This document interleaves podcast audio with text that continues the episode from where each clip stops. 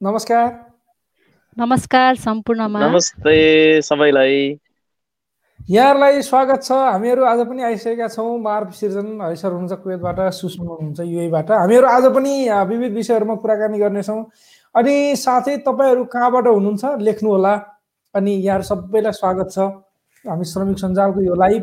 श्रमिक सञ्जालको लाइभ हरेक आइतबार बुधबार र शुक्रबार हुने गर्छ। बुधबारको दिन र आइतबारको दिन हामी इन्फर्मेसनहरू सेयर गर्ने गर्छौँ।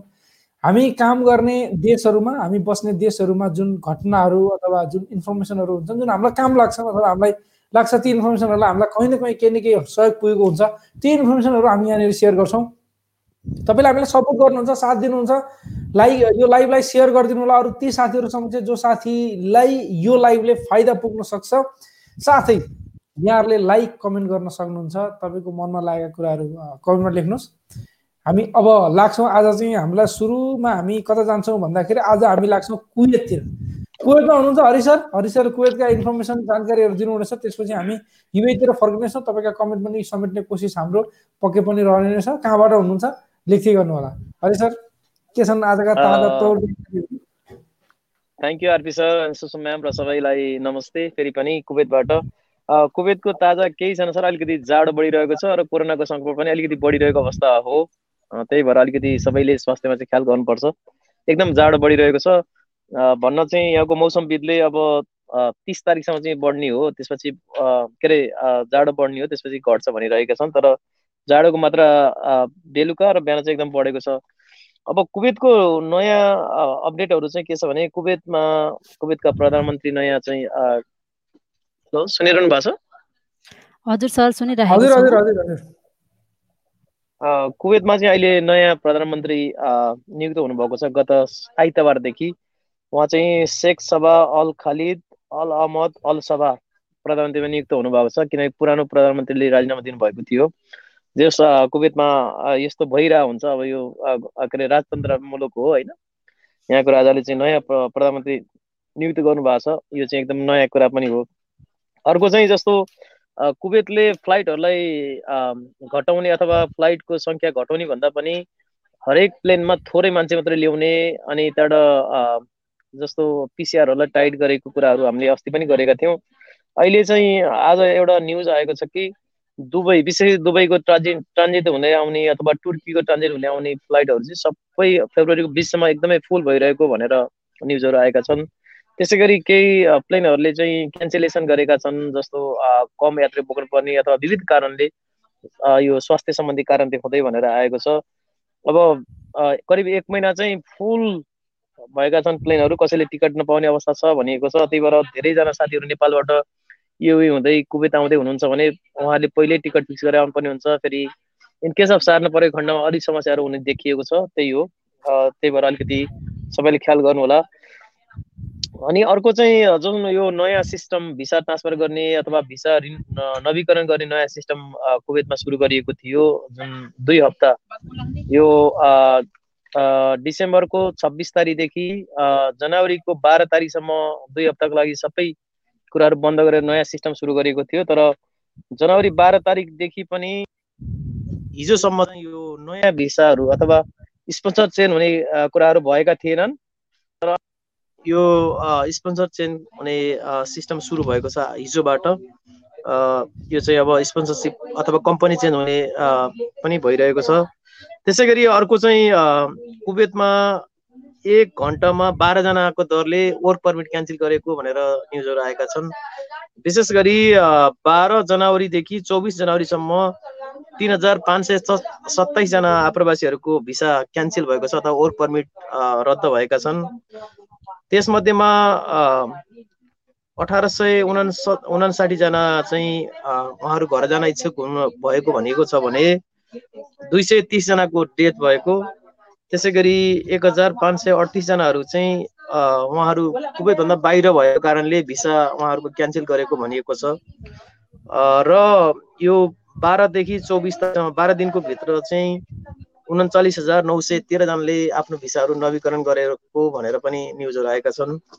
अब हुन त नयाँ सिस्टमहरू आएपछि अलिकति अनलाइन आएपछि सजिलो पनि हुन्छ भनेको छ तर केही डिफिकल्टिजहरू आएको कारणले करिब पाँच हजार प्रवासीहरूले हरेक दिनको दुई केटीको दरले उहाँहरूले चाहिँ गरामा तिरेको अथवा ओभर स्टे फाइन तिरेको अथवा हुन्छ नि यो भिसा सकेपछि हरेक दिनको दुई केडी तिर्नुपर्ने हुन्छ। यो तिरेको न्युजहरू आएका छन्। करिब करिब यही नै छ आरपी सर समाचारहरू विशेष गरी यहाँको अहिलेको ताजा अपडेट भन्नुपर्दा अलिकति जाडो बढेको कारण र कोरोनाको प्रकोप बढेको कारणले हरेक मलहरूमा हरेक ठाउँहरूमा अलिकति चेकिङहरू कडा बनाइएको छ र विशेष गरी जनवरी पछि चाहिँ अझै अवैधानिक अनडकुमेन्टेड आप्रवासीहरूलाई पक्राउ गर्दै पठाउने सरकारको नीति रहेको भनेर आइरहेको छ क्लिन अफ द कन्ट्री भन्ने त्यस मार्फत पनि केही नेपालीहरू धेरै नेपालीहरूलाई अलिकति असर पर्ने देखिन्छ त्यही नै हो। र विशेष गरी धेरै आप्रवासी विशेष गरी घरेलु महिला कामदारहरूले चाहिँ घर जान नपाउनु भएको गुनासोहरू आइरहेका छन् किनभने घरेलु कामदारहरू हायर भएका छैनन्। त्यस कारणले पनि धेरै नेपालीहरू चाहिँ अब घरमा काम गर्नेहरूले चाहिँ घर आफ्नो कन्ट्याक्ट पुरा गरेर पनि घर जान सक्नु भएको छैन। त्यही नै हो आजको करिब करिब अपडेट आरपी सर। हस् sir thank you so much तपाईँलाई धेरै धेरै धन्यवाद छ अब हामी लाग्छौँ अब हामी लाग्छौँ कुवे कुवेतका केही क्वेसनहरू भयो भने सायद आज हरि सर अब हजुर जानुभयो भने हामी अर्कोचोटिलाई राखौँला हामीसँग अरू जानकारीहरू छन् अब ओमनबाट म्याडमले दिनुहुन्छ ओमनबाट बहराइनबाट युएबाट तिन तिन देशका हामीसँग जानकारीहरू छन् अब लाग्छौँ हामी युएतिर सुस म्याडम हस् त thank you so much Hari sir thank you so much RP sir नमस्कार सम्पूर्ण सञ्जाल हेरेर बस्नुभएको साथीहरूमा म युएबाट सुषमा। हामी तिनैजना आज उपस्थित भइसकेको छौँ। हरि सरले यु कुवेतका अपडेटहरू बताएर गइसक्नु भएको छ। म युएका केही ताजा खबरहरू लिएर उपस्थित भइसकेको छु। अब युएको अपडेटहरूतर्फ हामी लागौँ। युएको विशेष अपडेटहरू बताउनु पर्दा अहिले मैले यहाँ कमेन्टहरू पनि देखिरहेको छु। साथीहरूले धेरै क्वेसनहरू सोधिरहनु भएको छ। त्यो प्रश्नको उत्तरहरू हामी केही हाम्रो अपडेटहरू दिइसकेपछि सेयर गर्नेछौँ। त्यसै क्रममा म युएको अपडेटतर्फ लाग्न चाहन्छु। अहिले युएमा अस्ति पनि हामीले गभर्मेन्टका स्टाफहरूको बारेमा केही न्युजहरू सेयर गरेका छौँ। अहिले पनि के अपडेट आएको छ भन्दाखेरि गभर्मेन्ट स्टाफहरूले जस्तै कोभिड कन्ट्याक्टमा रहेका क्लोज कन्ट्याक्टमा रहेका व्यक्तिहरू हुनुहुन्थ्यो उहाँहरूको सङ्गतमा हुनुहुन्थ्यो उहाँहरूको कन्ट्याक्टमा हुनुहुन्थ्यो भने उहाँहरूले दस दिन रिमोटली काम गर्नुपर्नेछ क्वारेन्टाइन बसेर क्वारेन्टाइन बस्नुपर्नेछ। यदि उहाँहरू दस दिन होम क्वारेन्टाइनबाटै काम गर्नु भएन रिमोटली भने उहाँहरूले दस दिन आफ्नै छुट्टीबाट चाहिँ कटाइनेछ। उहाँहरूको जुन एनुअल लिभ छ एनुअल कटाइनेछ दस दिन। यदि उहाँहरूको एनुअल लिभ पनि सकिसकेको छ भने उहाँ उहाँहरूले चाहिँ अनपेड लिभमा बस्नुपर्नेछ भनेर पनि आएको छ। यदि इमर्जेन्सी लिभ पनि लिन सकिनेछ भनेर यस्तो अपडेटहरू आएको छ। अहिले किनकि युएमा पनि कोभिड सङ्ख्याहरू बढिरहेको छ एकदमै न्यु स्ट्रेन पनि आएको भनेर धेरै अपडेटहरू आइरहेको छ। अहिले न्यु स्ट्रेनको बारेमा बहरानको केही न्युजहरू पनि म सेयर गर्नेछु। त्यसै गरेर अहिले दुबईमा विभिन्न मार्केटहरू सट डाउन भइरहेको छ यो कोभिड नाइन्टिनका गाइडलाइन्सहरू फलो नगरेका कारण रुल एन्ड रेगुलेसन कति जिमहरू पनि बन्द गरिएको छ भनेर पनि अपडेट आएको छ। अहिले कोभिड सङ्ख्या एकदमै बढिरहेको छ र हामी सम्पूर्ण युए बासिन्दाहरूले कोभिडको रुल अनुसार चल्नुपर्ने हुन्छ। प्रिकसनरी मेजर्स गाइडलाइन्सका कुराहरूलाई एकदमै फलो गर्न आवश्यक छ किनकि एकदम त्रि तीव्र गतिमा यो कोभिड केसहरू बढिरहेको छ। त्यसै गरेर दुबई आउने क्रममा दुबई आउने भिजिटरले इलिगल सामानहरू ब्यागमा बोकेका कारण पक्राउ परेको छ भनेर पनि अपडेट आएको छ। यस्ता कुराहरू हामीले अघिल्ला केही एपिसोडहरूमा पनि सेयर गर्दै आइरहेका छौँ। हामीले कहिले पनि यसरी बाहिर आउने क्रममा कोही व्यक्तिहरूले अपरिचित व्यक्तिहरूले या कोही त परिचित व्यक्तिले पनि दिएका सामानहरू राम्ररी नबुझिकन बोकेमा कसैले त्यस्ता इलिगल सामानहरू पनि पठाएको हुन सक्छन्। त्यही भएर हामीले सामानहरू लिनु पूर्व पनि एकदमै ध्यान दिन जरुरी छ नत्र कहिलेकाहीँ हामी फस्न पनि सक्छौँ। यस्तो अवैधानिक कुराहरूमा हामीले एकदमै अवर हुनुपर्छ पनि भन्न चाहन्छु। त्यसै गरेर अहिले साथीहरूले यहाँ धेरै क्वेसनहरू सोध्नु भएको छ। यसै विषयमा जस्तै हामीले भ्याक्सिन भ्याक्सिन लगाए तापनि यो कोभिड नाइन्टिन विरुद्धको भ्याक्सिन जुन अहिले सिनोफार्म र फाइजर भ्याक्सिन रहेको छ यो भ्याक्सिन लगाए तापनि या नलगाए तापनि यदि हामी फ्लाइट गर्दैछौँ कतै जान लाग्दैछौँ भने चाहिँ फ्लाइट गर्ने क्रममा हामीले प्रिन्ट गरिसकेको पिसिआर रिपोर्ट चाहिँ हामीले साथमा बोक्नु पर्नेछ अनि मात्रै हामीले फ्लाइट गर्न पाउनेछौँ भनेर पनि अपडेट आएको छ। धेरै साथीहरूको एउटा क्वेसन रहेको छ। हामीले जस्तै कोभिड नाइन्टिनको दुइटै डोज लगाइसकेपछि पिसिआर टेस्ट गर्न जरुरी छ कि छैन हामीले पिसिआर टेस्ट बिना नै रिपोर्ट बिना नै हामी फ्लाइट गर्न पाउँछौँ कि पाउँदैनौँ भनेर पनि धेरै साथीहरूले क्वेसन सोधिरहनु भएको छ धेरै क्वेसन उठाउनु भएको छ र हामीले भ्याक्सिन यो दुइटै डोज लिइसके तापनि पिसिआर टेस्ट चाहिँ अनिवार्य रूपमा गर्नुपर्ने र टेस्ट गरिसकिसकेपछि पनि हामीले कुनै एप्सहरू मोबाइलबाट नभएर जुन पिसिआर टेस्ट गरिसकेको रिपोर्ट छ त्यो चाहिँ हामीले प्रिन्ट गरेर हातमा बोकेर नै फ्लाइट गर्नुपर्नेछ त्यहाँ चेक गर्नुपर्नेछ भनेर पनि अपडेट आएको छ। यदि फ्लाइट गर्दै हुनुहुन्छ भने यो कुरामा चाहिँ एकदम क्लियर हुनु होला भन्न चाहन्छु। त्यसै गरेर अहिले ओमानको न्युज रहेको छ। ओमानले यो रिक्रुट रिक्रुटमेन्ट फी बढाएको छ जुन ओमानभन्दा बाहिर रहेका कामदारहरू ओमान आउनको लागि केही बढाइएको छ भनेर त्यहाँ लेबल अनुसार पनि छुट्याइएको छ जुन लेबलहरू धेरै लामो लिस्ट रहेको छ। यो चाहिँ अलिक छोटो जानकारीको लागि हामीले अपडेट गऱ्यौँ। त्यसको सम्पूर्ण डिटेलहरू हामीले पेजमा पनि सेयर गर्न सक्नेछौँ।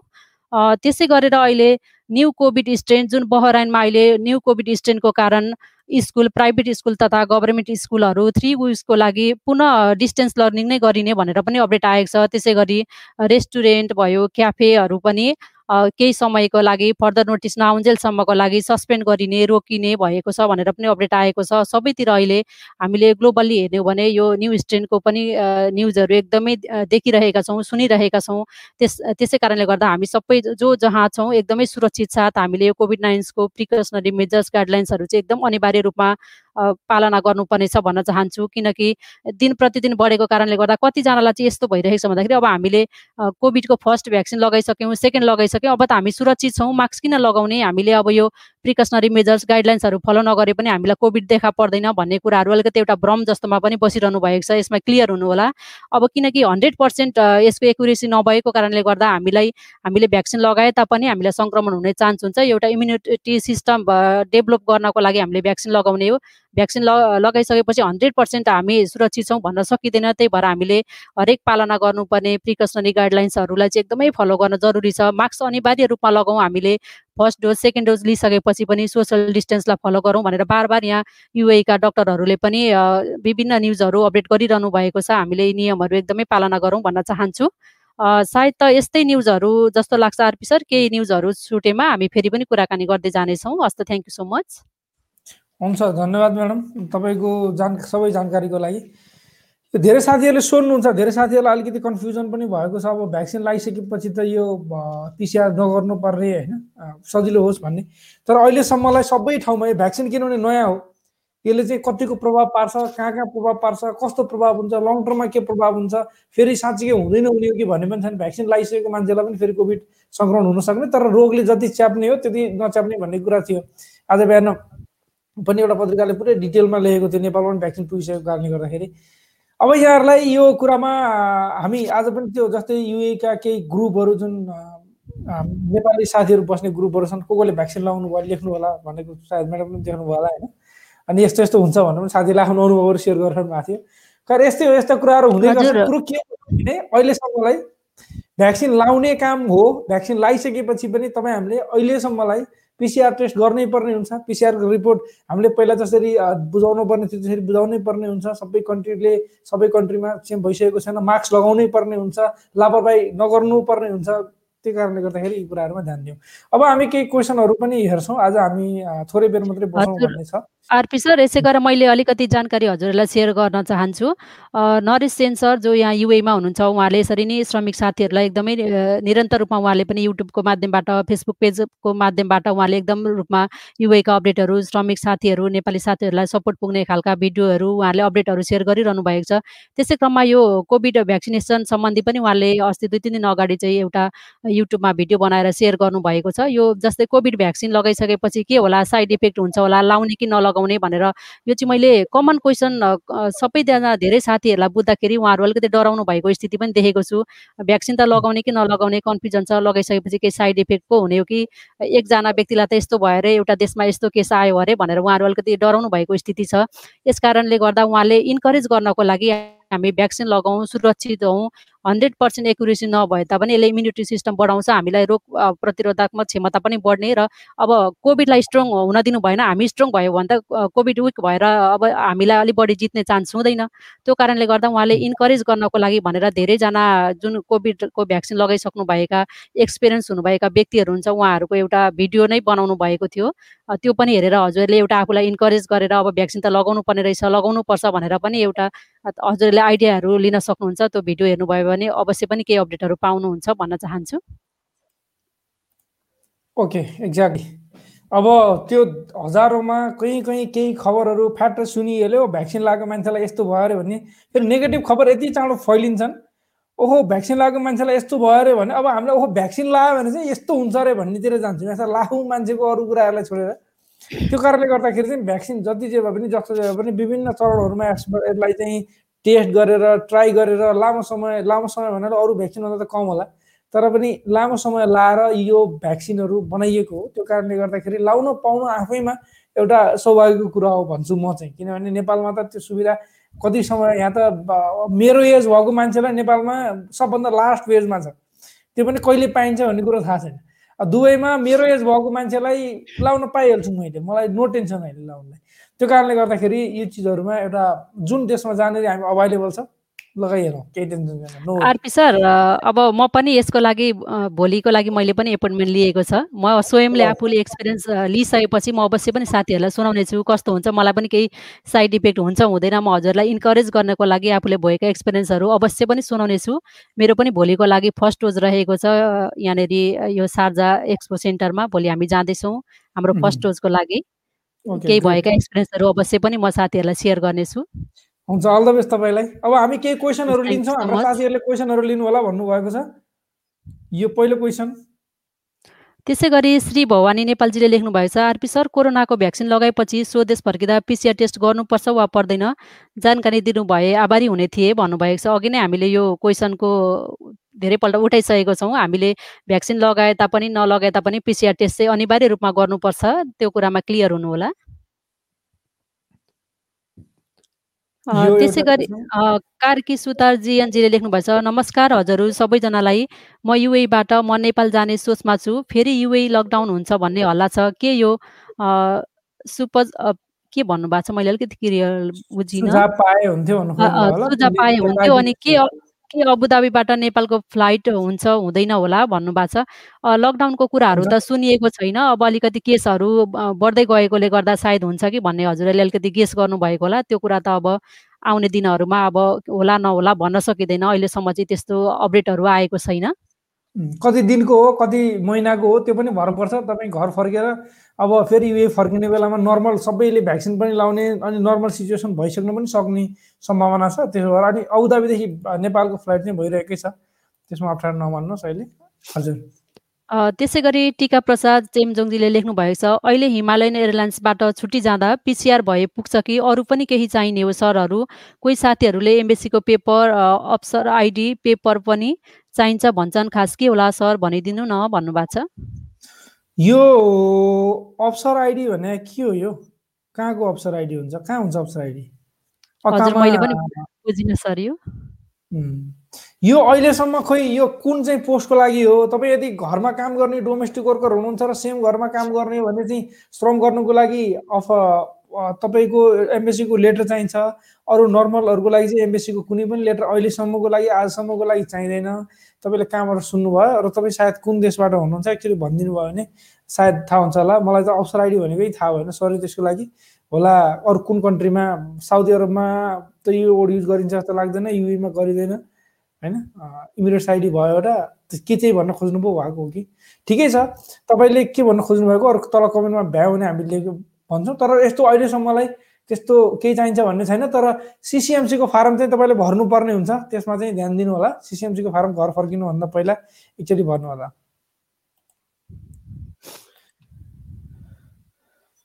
उहाँको अनुभव सेयर गर्नुभएको छ उहाँले। त्यसै गरी दुर्गा पाण्डेजीले छ नमस्कार म अबुधाबीबाट। भ्याक्सिनको पहिलो डोज मैले लगाएको सोह्र दिन भयो। केही साइड इफेक्ट भएको छैन। सबैले ढुक्कसँग भ्याक्सिन लगाउनु होला भन्नुभएको छ thank you so much Durga Pandeyji हजुरलाई। यसरी नै धेरै साथीहरूले आफूले एक्सपिरियन्स गर्नुभएको कुराहरू अवश्य पनि सेयर गर्नुहोला सबैजनालाई इन्करेज मिलेछ साथीले साउदी अरबको भन्न खोज्नु भएको होला भन्नुभयो। साथै मलाई जहाँसम्म लाग्छ एमबिसीको के अरे त्यो आइटी एमबिसीको पेपर चाहिँदैन तर तपाईँले जहाँ सुन्नुभयो त्यसो हो भने हिमालयन एयरलाइन्सको आधिकारिक नम्बरमा फोन गरेर हिमालयन एयरलाइन्समै सोध्नुभयो भने सबभन्दा बेटर हुन्छ है यहाँबाट। किनभने हन्ड्रेड पर्सेन्ट आइडिया भएन त्यसको लागि।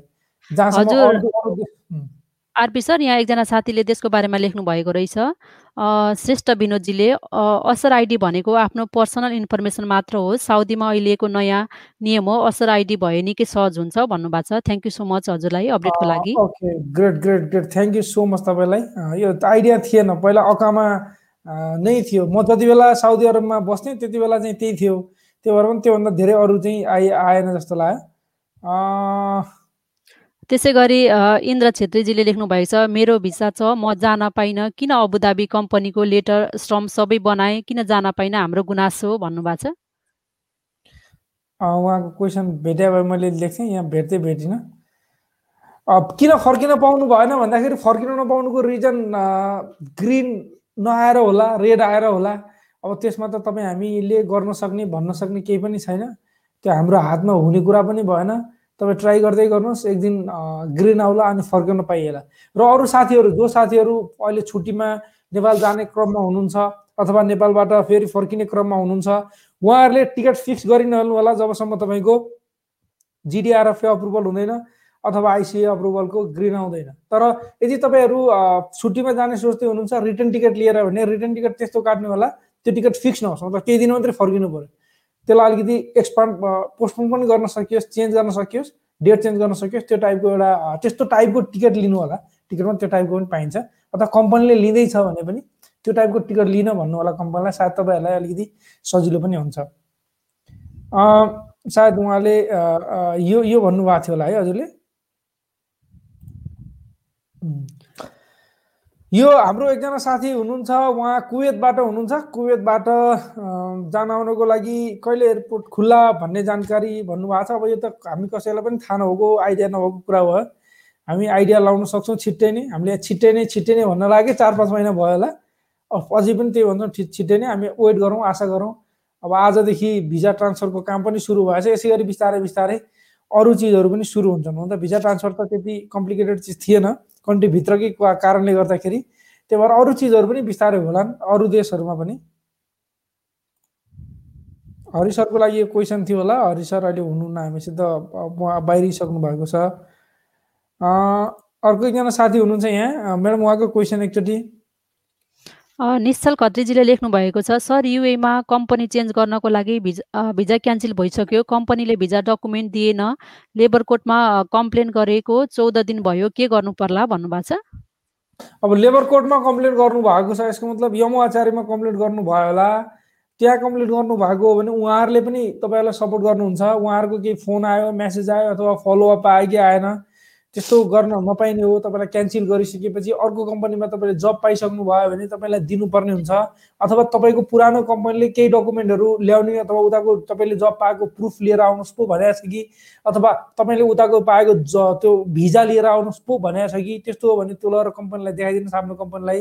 होइन भने तपाईँ लिगल्ली वेमा जानुभएको हो भने तपाईँलाई कम्पनी फलो गर्छ उहाँहरूले नै सपोर्ट गर्नुहुन्छ।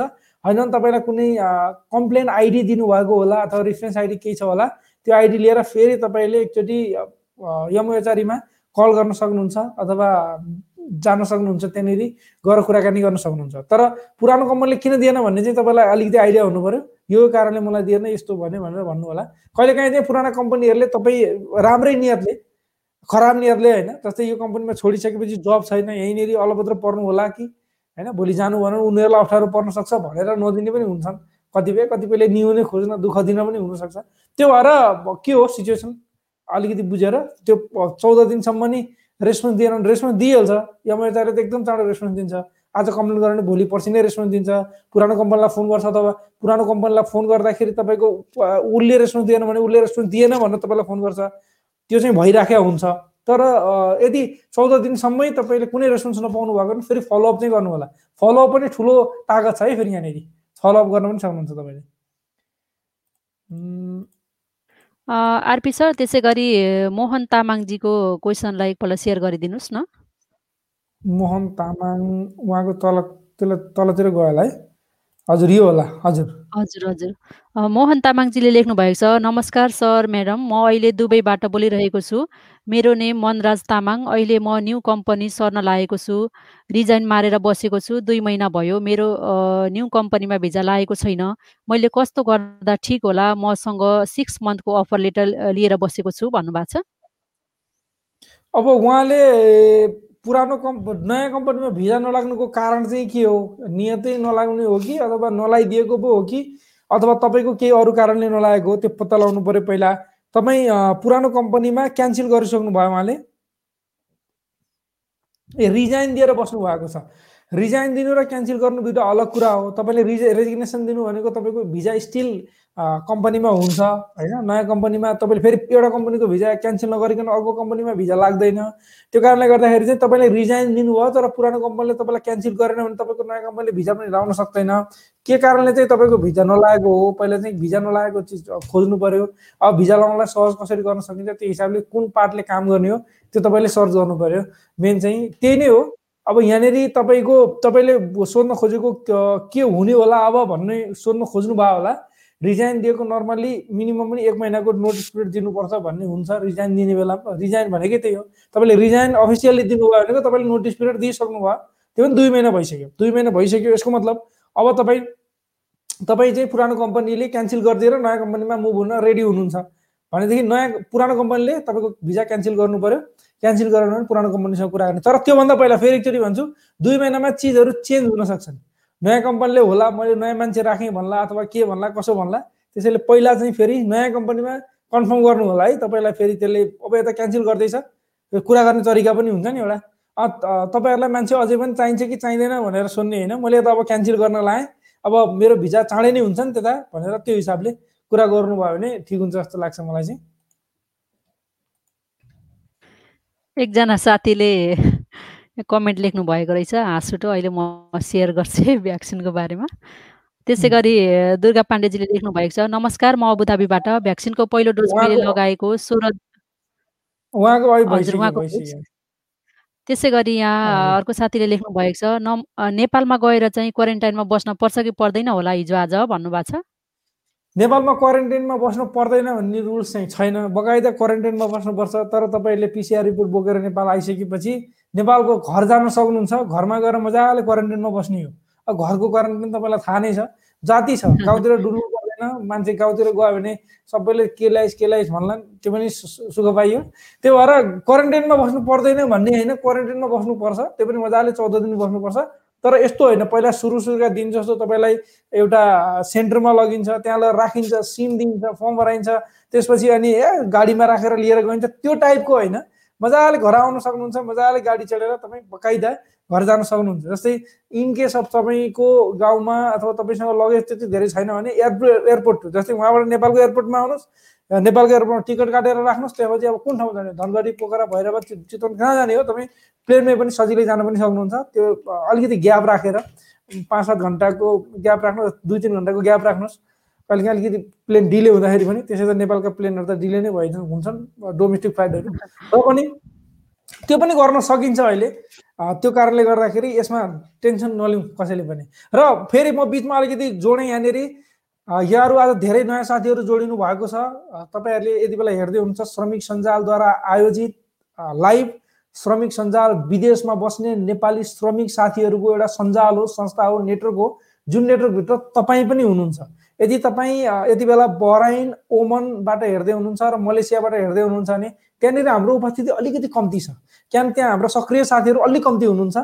अरू कन्ट्रीहरूमा चाहिँ हाम्रो सक्रिय साथीहरू पनि हुनुहुन्छ। उहाँहरूसँग तपाईँ हामी अफलाइनमा पनि कन्ट्याक्ट गर्न चाहनुहुन्छ अथवा श्रमिक सञ्जालमा तपाईँ पनि हामीसँगै साथमा हामी जस्तै यहाँ फ्रन्ट पेजमा देखिने दुई चारजना साथीहरू छौँ हाम्रो ब्याक अफिसमा धेरै साथीहरू हुनुहुन्छ।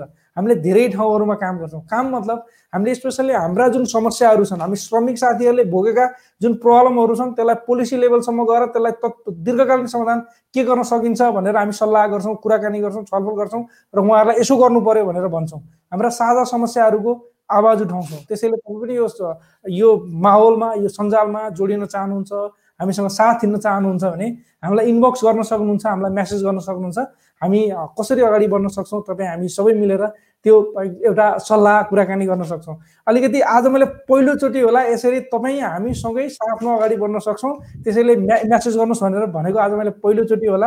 हामीले कहिले पनि भन्ने थिएनौँ एकअर्काको जुन रेफरेन्स हुन्छ त्यसैमा रहेर कुराकानी गर्छौँ। यति हुँदा हुँदै पनि हाम्रा केही साथीहरू विभिन्न देशहरूबाट हामी होइन श्रमिक सञ्जालमा कसरी सहकार्य गर्न सक्छु कसरी सँगै जान सक्छु तपाईँहरूसँग म साथमा हिँड्न चाहन्छु भन्ने साथीहरू हुनुहुन्छ उहाँ हामीसँग जोडिनु भएको छ विभिन्न ठाउँहरूबाट।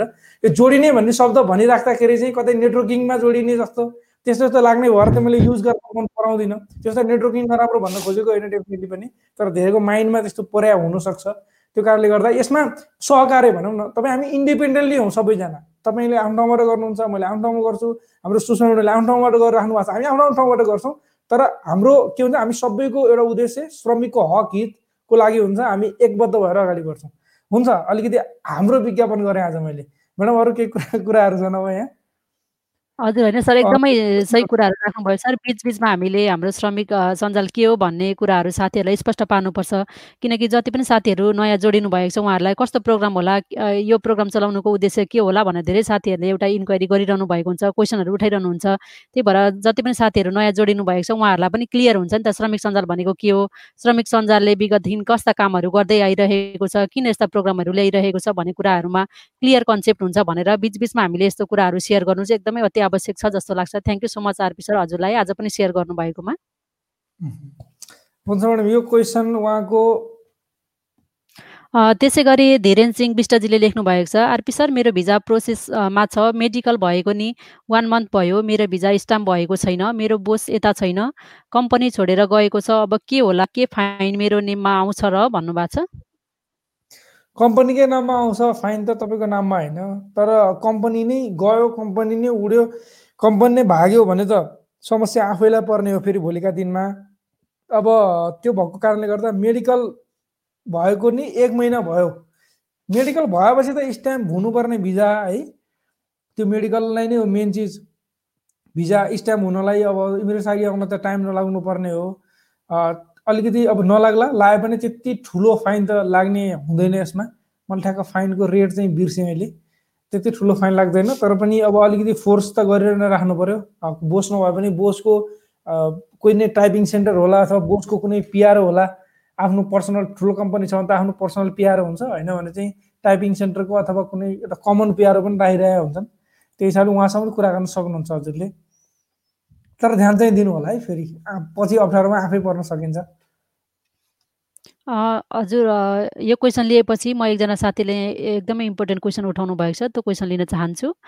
पहिले नारायण सरिता कुँवरजीले लेख्नु भएको छ नमस्कार श्रमिक सञ्जाल टिमलाई मैले भ्याकेसन जान भन्दा पहिले नै जिडिआर फेर आइसी एप्रुभल आउने रहेछ कि नै भनेर ट्राई गरेको।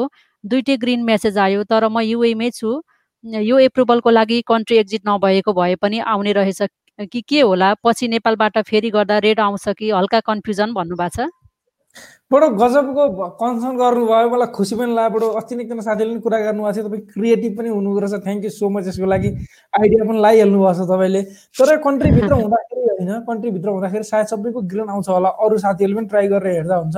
यो कन्ट्री बाहिर भएको बेलामा नेपालमा भएको बेलामा तपाईँले ट्राई गर्नु होला त्यसपछि चाहिँ थाहा हुन्छ। अब जिडिआरएफको त ठ्याक्क थाहा हुने कुरो भएन। जिडिआरएफको त अप्लाई गरेर फर्म भरेर त्यसको अप्रुभल आउनु पऱ्यो तपाईँको आइसिके सायद चेक गर्नुभयो होला फेरि जिडिआर फेरि आइसिए अलग अलग भिजाहरूको लागि हो अलग अलग इमिरेट्सको लागि।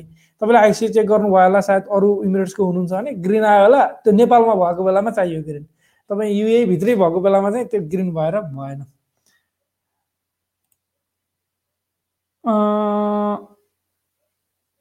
त्यसै गरी मोहन तामाङजीले लेख्नुभएछ पुरानो कम्पनीले क्यान्सल पेपर दिनुभएको छ सर बट मेरो भिजा नै लागेको छैन भन्नुभएको छ। ओके भनेपछि उहाँको पुरानो कम्पनीले क्यान्सल पेपर पनि दियो नयाँ कम्पनीमा भिजा लाएन। किन होला? के समस्या भन्छ? कम्पनीले कुनै कुनै कम्पनीहरूको कोटा नहुने हुनसक्छ। कहिलेदेखि लाग्छ भन्छ? फेरि किनभने पुरानो कम्पनीको क्यान्सल भएको एक महिनासम्म भिजा एक्सपायर नभएको भन्दा पहिला क्यान्सल भयो भने एक्सपायर भयो भने एक्सपायर भएको एक महिनासम्म। अथवा अट्ठाइस दिन भनौँ। अट्ठाइस दिनपछि तपाईँको फेरि फाइन सुरु हुन्छ। हरेक दिन सुरुको दिन वान हन्ड्रेड ट्वेन्टी फाइभ त्यसपछि हरेक दिन ट्वेन्टी फाइभ डेज दिरामको हिसाबले त्यो पनि ध्यान दिनु होला अब त्यो फेरि पुरानो कम् नयाँ कम्पनी जुन भिसा लाउने कम्पनी त्यसले तिर्छु भन्छ कि भन्दैन। यहाँनिर चाहिँ तपाईँले नयाँ कम्पनीसँग कोअर्डिनेट गर्नुपर्ने हुन्छ। कतिपय अवस्थाहरूमा कम्पनीको नियत राम्रो छ उनीहरूले लगाइदिने नै हो तपाईँलाई काम चाहिने नै हो भनेदेखि तपाईँ आत्तिनु पर्दैन। कहिलेकाहीँ सामान्य के भन्छ के भन्छ एडमिनिस्ट्रेटिभ भनेको के भन्ने म्याडम त्यसलाई? व्यवस्थापकीय समस्याहरू आउन सक्छन्। कहिलेकाहीँ प्रशासनिक समस्याहरू हजुर। एकदम प्रशासनिक समस्याहरू कस्ता हुन्छन् भने जस्तै एउटा कम्पनीका सिस्टर कम्पनीहरू हुन्छन् त्यो कम्पनीमध्ये कुनै कम्पनीको ट्रेड लाइसेन्स रिन्यू गरेन भने पनि भिजामा समस्या पनि आउँदै हुन्छ। यस्ता यस्ता चिजहरू हुन्छ। त्यो कारणले गर्दाखेरि तपाईँ नयाँ कम्पनीलाई चाहिँ के हो त रिजन भनेर नयाँ कम्पनीलाई सोध्नुभयो भने उहाँहरू राम्रो तरिकाले तपाईँलाई जेन्युन एन्सर पनि दिन सक्नुहुन्छ। यदि राम्रो कम्पनी हो भने चाहिँ। फेरि कहिले काहीँ दिएन भने नराम्रो भन्न पनि मिल्दैन। किनभने जसले जसलाई सोध्नुहुन्छ उसलाई पनि थाहा नहुनसक्छ। त्यही भएर एचआरको मान्छेसँग कोअर्डिनेट गर्नु होला। एचआरको मान्छेहरूलाई अथवा पिआरओलाई त्यो कम्पनीको त्योसँग कुराकानी गर्नुभयो भने ठिक हुन्छ। त्योभन्दा पहिला चाहिँ आफ्नो लाइन म्यानेजर अथवा आफ्नो बोस टिम मेम्बर टिम लिडरसँग कुरा गर्दा अझै राम्रो है। हजुर त्यसै गरी आरपी सर एकपल्ट टिका छेत्रीजीको क्वेसनलाई राखिदिनुहोस् न। टिका छेत्रीको तल हुनुहुन्छ उहाँ। हजुर सर उहाँको अलिकति तल नौ पच्चिसमा छ उहाँको कमेन्ट। टिका छेत्री हजुर। टिका छेत्रीजीले लेख्नु भएको छ सर म्याडम मेरो नाग नागरिकता छैन मैले पासपोर्ट बनाउन सक्छु कि नै फेरि नेपालमा नि छैन मेरो नागरिकता आग लागि हुँदा नष्ट भयो मेरो घरमा अब मैले के गर्न सक्छु होला जानकारी पाउन भन्नुभएको छ? समस्यामा हुनुहुँदो रहेछ। तपाईँसँग इमेल त्यो सबै ऊ पनि छैन तपाईँसँग कपी पनि छैन त्यसको मतलब है? भएभरको सकियो भनेपछि। नागरिकता चाहिन्छ भन्ने कुरा छ। सायद यस्तो अवस्थामा तपाईँले सिफारिस बनाएर मगाउन सक्नुहुन्छ कि? यो सिस्टम यस्तो हुन्छ। त्यो सरकारी अरू सिस्टमहरूको कुरा भने ठ्याक्कै यहीवाला त मलाई आइडिया भने यहाँनिर। तर मेरो आइडियामा के हुनसक्छ भने तपाईँसँग त्यो केही पनि छैन भने एउटा सिफारिस बनाएर गाउँबाट त्यसलाई एउटा सिफारिस गाउँपालिका अथवा नगरपालिका जुन ठाउँमा तपाईँको घर छ जहाँ जन्मिनु भएको त्यहाँबाट एउटा सिफारिस बनाएर त्यहाँबाट जिल्लामा पनि एउटा सिफारिस बनाएर पठाउन तपाईँलाई त्यहाँ पठाएर अनि तपाईँले त्यहाँबाट चाहिँ एमबिसीमा अथवा कुराकानी गर्नु होइन भने सबभन्दा पहिला तपाईँ जुन देशमा हुनुहुन्छ त्यो देशको एम्बेसीमा एकचोटि कुराकानी गर्नुभयो भने ग्रेट हुन्छ। र अर्को एउटा छ अहिले एउटा नयाँ सिस्टम हुन त यो नयाँ सिस्टम नेपालमा आएको सिस्टम हो। अब यसमा फेरि अर्को एउटा समस्या त हुन सक्ला। यदि कोही साथीहरू अरू साथीहरूलाई पनि आइडिया हुन्छ नेपालमा अहिले नागरिक एप भन्ने छ एउटा। नागरिक भन्ने मोबाइल एप्लिकेसन छ त्यसमा कनेक्टेड हुन्छ। जस्तै तपाईँको नागरिकतासँग त्यो कनेक्टेड भयो भने तपाईँको पासपोर्ट प्यान कार्ड तपाईँको सोसियल सेक्युरिटी फन्ड त अब हामी हामीसँग धेरैसँग छैन होला। हामी त्यसमा काम गर्ने मान्छेहरूसँग। नर्मल्ली हामीले के भनौँ भने त्यसमा हाम्रो नागरिकतासँग एटाच भइसकेपछि हाम्रो पासपोर्ट पनि देखाउँछ। त पासपोर्टसँग एटाच भएपछि नागरिकता पनि देखाउँछ। त्यसैले कोही साथीहरू हुनुहुन्छ जस्तै उहाँकै पनि पासपोर्टमा रा तपाईँको आफ्नो नाममा लिएको मोबाइल नम्बर हुनुपर्छ र त्यो अन हुनुपर्छ। त्यसैमा एसएमएस आउँछ। यस्तो कोही छ? मानव फर इक्जाम्पल तपाईँको वाइफले नेपालमा तपाईँको नामको मोबाइल युज गर्नुहुन्छ भनेदेखि यसो अनलाइनमा बसाए बेलामा तपाईँले त्यसलाई चाहिँ नागरिक एप डाउनलोड गर्ने त्यसमा चाहिँ आफ्नो नामको मोबाइल नम्बर हाल्ने त्यो हालिसकेपछि ओटिपी आउँछ वाइफलाई। वाइफलाई कोही ओटिपी दिनुहोस् त भन्ने ओटिपी दिनुहुन्छ वाइफले। त्यसपछि ओटिपी हालेर इन गर्ने अनि पासपोर्ट नम्बरबाट लगइन गर्ने। लगइन गरिसकेपछि तपाईँको पासपोर्ट नम्बरमा जुन नागरिकता एसोसिएट हुन्छ त्यो नागरिकताको फोटो पनि आउँछ त्यहाँनिर। त्यसबाट फेरि प्रिन्ट निकालेर पनि काम चाहिँ गर्न सकिन्छ। यो अलिकति लेन्दी प्रोसेस हुनसक्छ अलिकति झन्झट हुने हुनसक्छ र सबैलाई एक्सेसेबल अथवा सहज नहुनसक्छ। एउटा पनि यस्तो अप्सन पनि छ मैले सेयर गरिहालेँ ओके धन्यवाद छ त्यही नै हो। तपाईँले एमबिसीमा एकचोटि कुराकानी गर्नु होला सबभन्दा बेस्ट र एमबिसीले त्यसो उहाँले खै हुँदैन हुँदैन त्यस्तो हुँदैन भने के हुन्छ त उपाय उपाय त हुनु पऱ्यो नि हुँदैन हुँदैन भन्ने कुरो हुँदैन तपाईँले पाउनु त पर्यो के उपाय हुनसक्छ भने उपाय गाउँपालिका नगरपालिका अथवा त्यहाँबाट गरेर जिल्लाबाट सिफारिस बनायो भने हुन्छ होला सायद एकछिन उहाँको भयो उहाँको पनि एकचोटि पढ्नु होला हाम्रो विनोद श्रेष्ठको एउटा कुरा थियो यहाँ उहाँले जानकारी हेरी उहाँको हजुर म्याडम यो भन्नु त त्यसै गरी इन्द्र छेत्रीजीले लेख्नु भएको छ भ्याक्सिन भन्दा नि हामी छुट्टीमा आएका पीडितको सेवा गर्नु न प्लिज। रेड भिजाले दुबई आउन सकिएको छैन। भिजा सकिँदैछ। कसरी आउन सकिन्छ? सबै बोर्डिङ पास मिलेन आउन नेपालबाट भन्नुभएको छ। हामी आशा गरौँ यो छिट्टै नेपालको मात्रै समस्या त होइन यो पक्कै पनि। अरू कन्ट्रीहरूको पनि समस्या हो। बिस्तारै बिस्तारै बिस्तारै बिस्तारै सहज हुँदैछ। अब के हुन्छ तपाईँको अहिले मार्च थर्टी फर्स्टसम्म फर्किन पाउने भन्ने फेरि छ जुन पहिला डिसेम्बर थर्टी फर्स्टसम्म थियो। भनेपछि बिस्तारै बिस्तारै भिजा सकिए पनि छ महिना क्रस भए पनि फर्किन चाहिँ पाइएला केही टाइम लाग्न सक्छ अहिले नाथ्यौँ र हामी धेरैले कुराकानी गर्दै गर्दा गर्दै गर्दा गर्दै गर्दा पके पनि फेरि सजिलै सहज रूपमा सबैको ग्रिन आउने होस् छिटै नै हामी आशा गरौँ।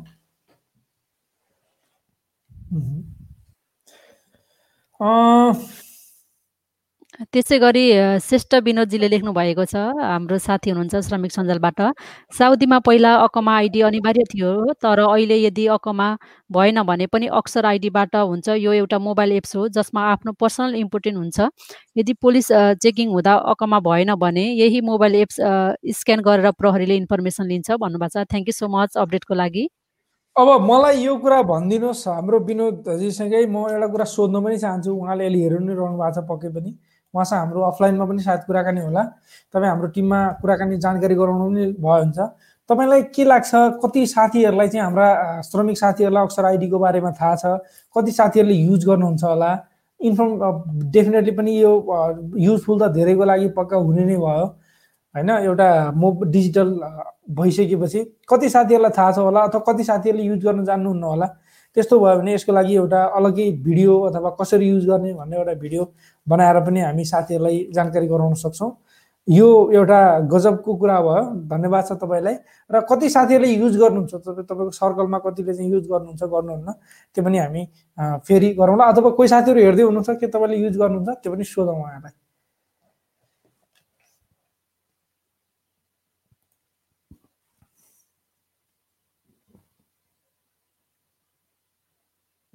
आरपी सर हजुरकोमा नेपाल एम्बेसीको पेज खुल्छ होला? यहाँ साथीहरूले नेपाल एम्बेसीको युएको बारेमा अलिकति क्वेसनहरू सोधिरहनु भएको थियो। मैले त्यो नोटिसबाट अलिकति क्लियर गराइदिउँ कि भन्न पनि खोजेको थिएँ तर मेरो यहाँ के भयो अलिकति इन्टरनेटको समस्याले गर्दा अलिकति खुल्दै खोलेन सर। एउटा नोटिस थियो अस्ति हामीले यो सेयर गरेको थिएन होला सायद जनवरी एट्टिनमा आएको थियो। साथीहरूले धेरै साथीहरूले किन नेपाल एम्बेसी बन्द भयो? कहिले खुल्छ होला? भनेर अस्तिदेखि क्वेसनहरू सोधिरहनु भएको थियो। Nepal embassy dot gov. हजुर खुल्यो छ कन्सुलर सेवाहरू केही समयका लागि स्थ स्थगन गरिएको सम्बन्धी सूचना भनेर नेपाल एम्बेसीबाट सूचना निस्किएको छ यहाँनिर भनिएको छ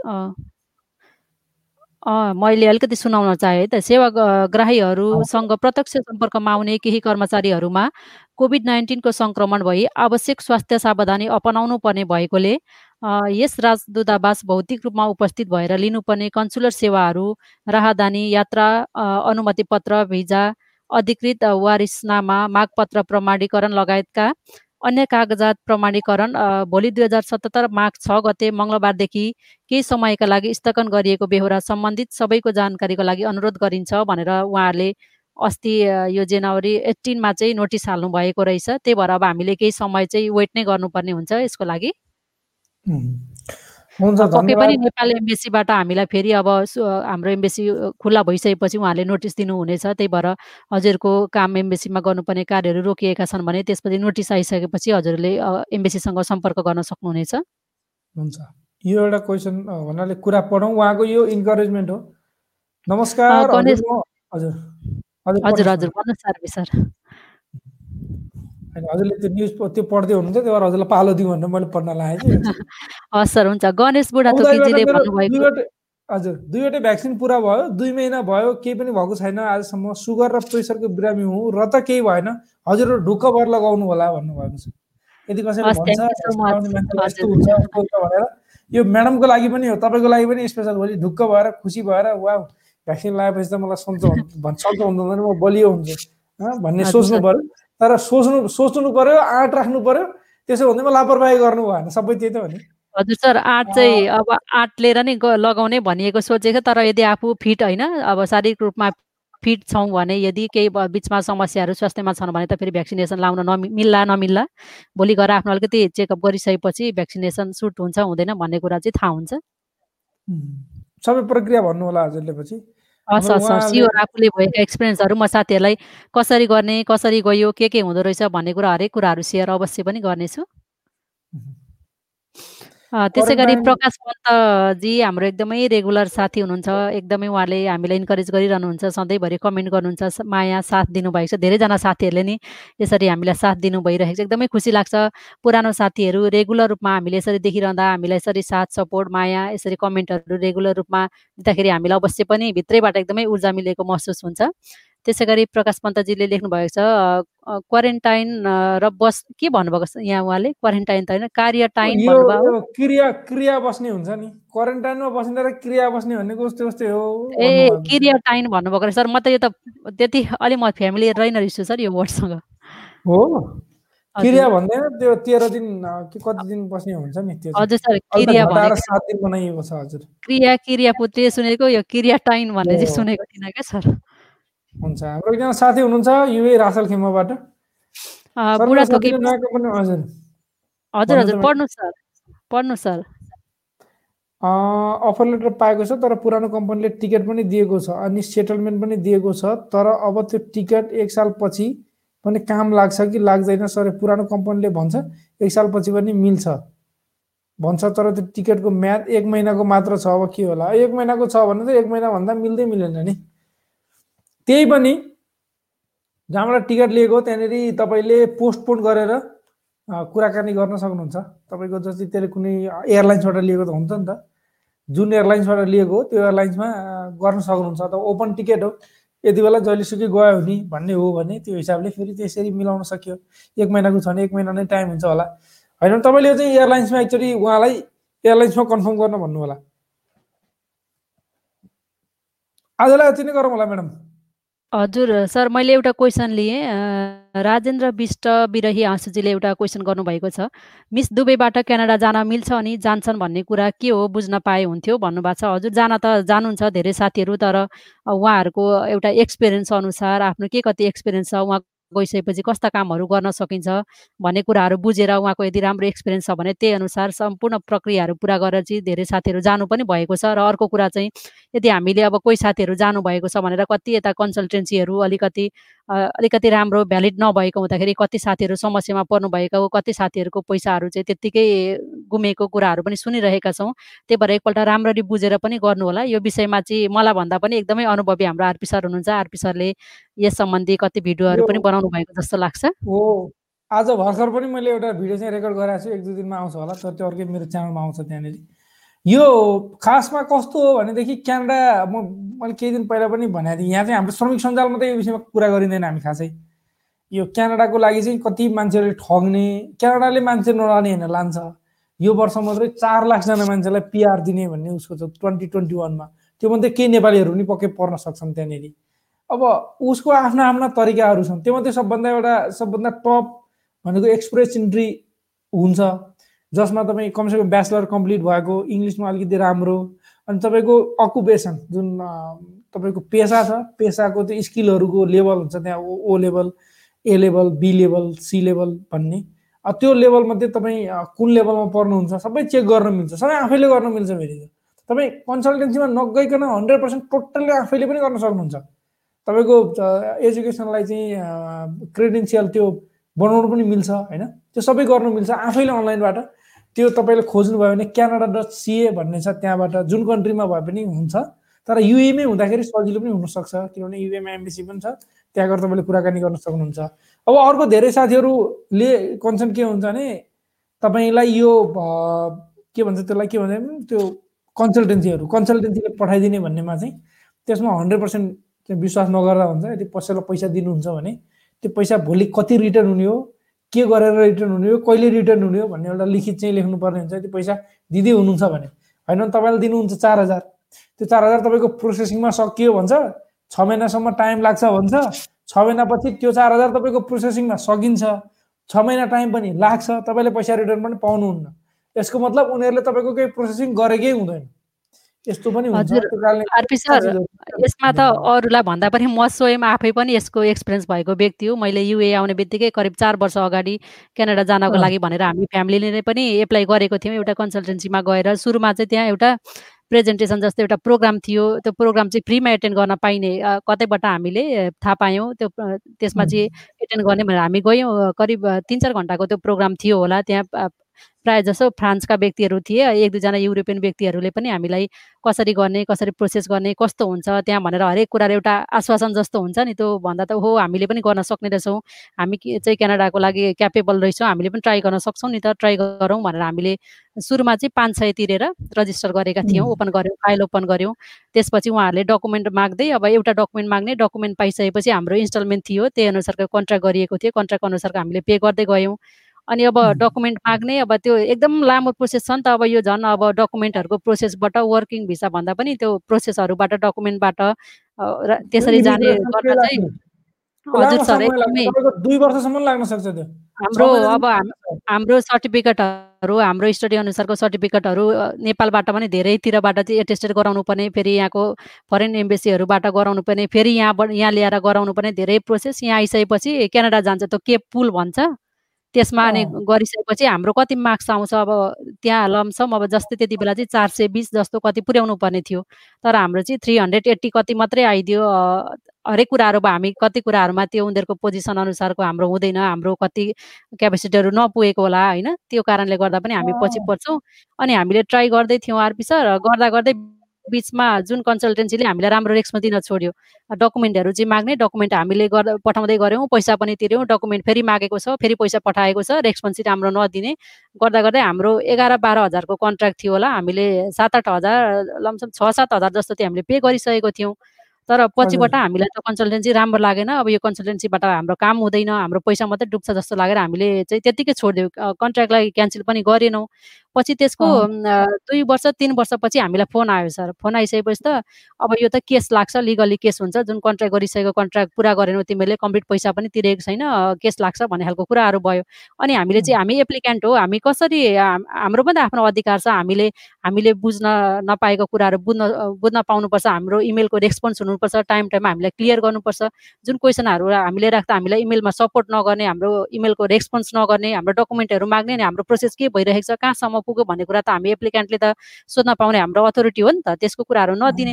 त्यो भइसकेपछि हामीले पनि अलिकति त्यहाँ गएर कन्सल्टेन्सीमा गएर मजाले कुराकानी गरेर अब उनीहरूले जस्तो गर्छन् त्यही अनुसारको कुराकानी गर्दै गयो। अलिकति हामीलाई थ्रेटन जस्तो चाहिँ आएको थियो त्यसपछि अहिलेसम्म चाहिँ चुपचापै छौँ। सर खै अब केस सेस हाल्ने कुरा थियो हालेको त छैन होला सायद। हालेको त कल आउनु पर्ने हाम्रो पनि त आफ्नो अधिकार छ